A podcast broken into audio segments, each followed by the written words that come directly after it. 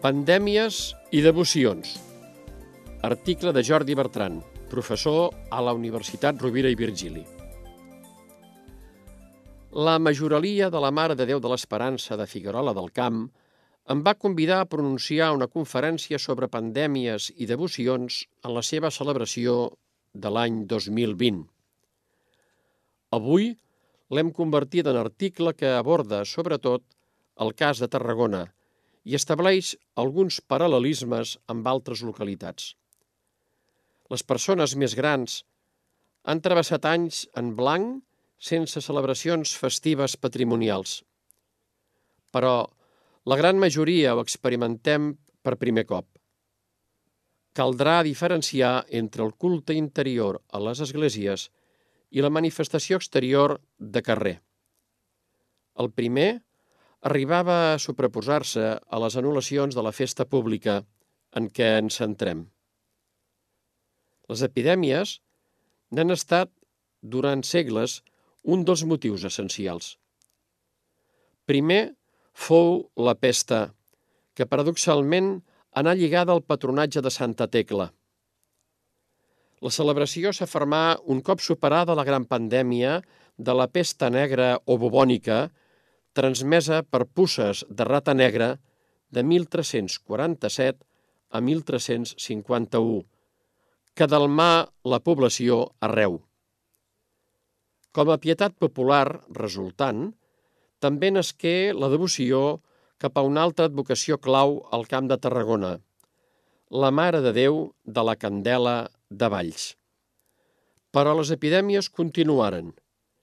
En el segle XIV, el 1362 o el 1371, i en el segle XV, vuit anys. Així, el 1450 es tragueren en processó pels carrers el braç de Santa Tecla i altres relíquies per demanar protecció. En el segle XVI es comptabilitzaren nou pestes. La de 1508, coneguda com a Llevantina perquè procedia de la Mediterrània Oriental, assolà a Tarragona. El prevere Andreu Tomàs recull, en comptes eclesiàstics, una processó que la catedral dedicà a Sant Roc. Fou l'inici d'una devoció pervivent fins avui, localitzada ara en els carrers del Cos del Bou, Peixateria i Trinquets. Com expliquen Salvador Rovira i Josep Fàbregas, el 1558 una nova pesta començà per Pasqua i cessà el 2 de juliol.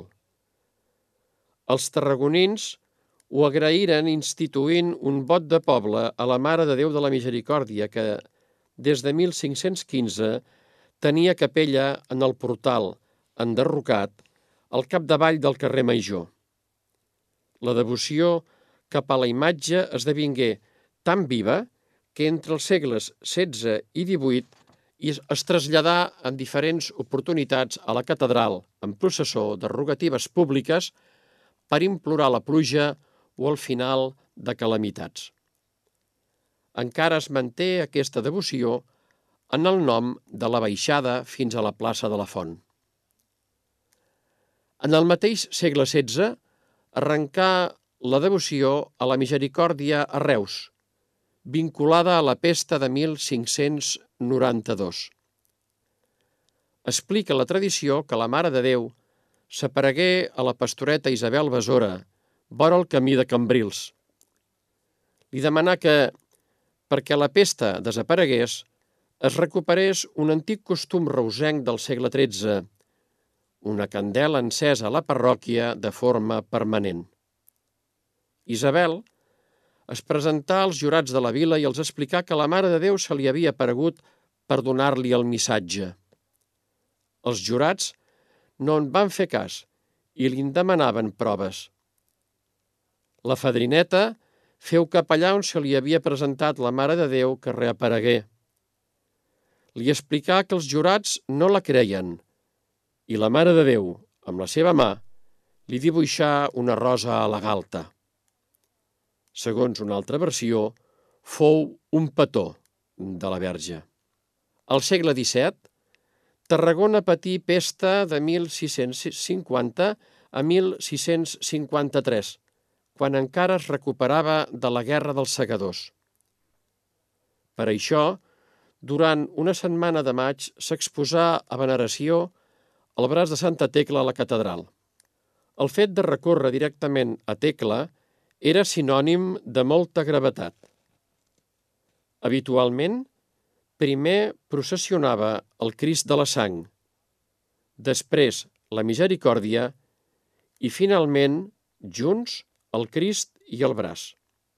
No degué de ser suficient perquè Joan Salvat documenta els cònsuls municipals en l'ofici catedralici dedicat als sants Sebastià, Isidor i Roc, a qui la ciutat feu vots. L'epidèmia es perllongà fins al 1653 i restà superada a l'agost, mes de la festa a Sant Roc. La importància de Sant Sebastià i Sant Roc quedà avalada al 1703 quan, per encàrrec municipal, el notable escultor Isidre Espinalt Serrarica, de Serral, afegí amb dos sants a la capella del carrer Major que havia tingut com a titular la misericòrdia.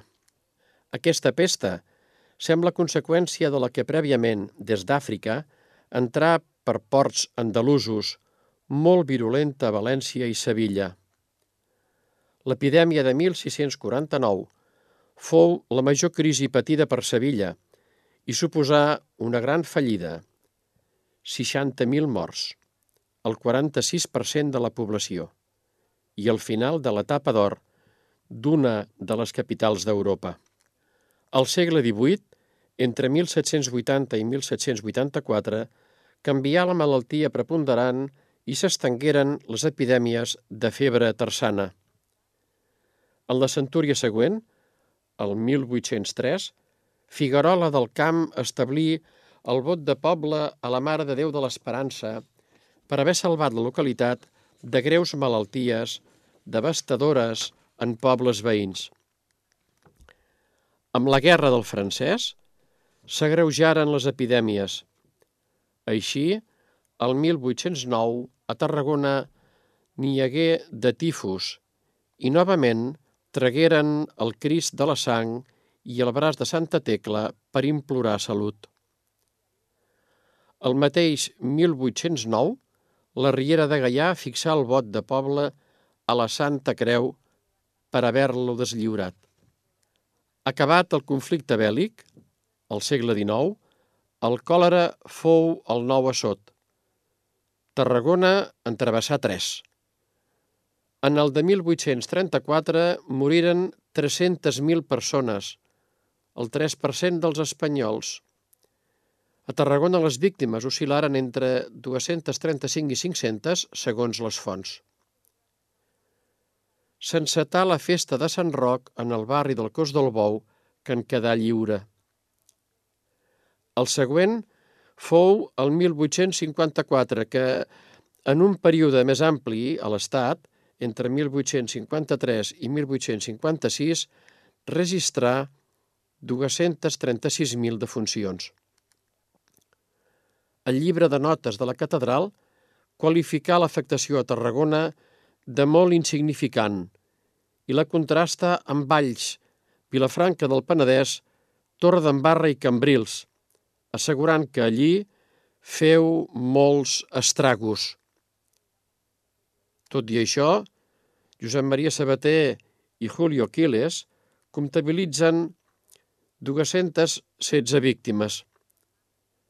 Percentualment, el contrast afavorí les tarragonines i els tarragonins, això sí, havent d'endarrerir la festa de Santa Tecla perquè millorés la situació. La colla dels pescadors de Tarragona assolí castells de nou pisos, categoria que mantingué fins a 1859.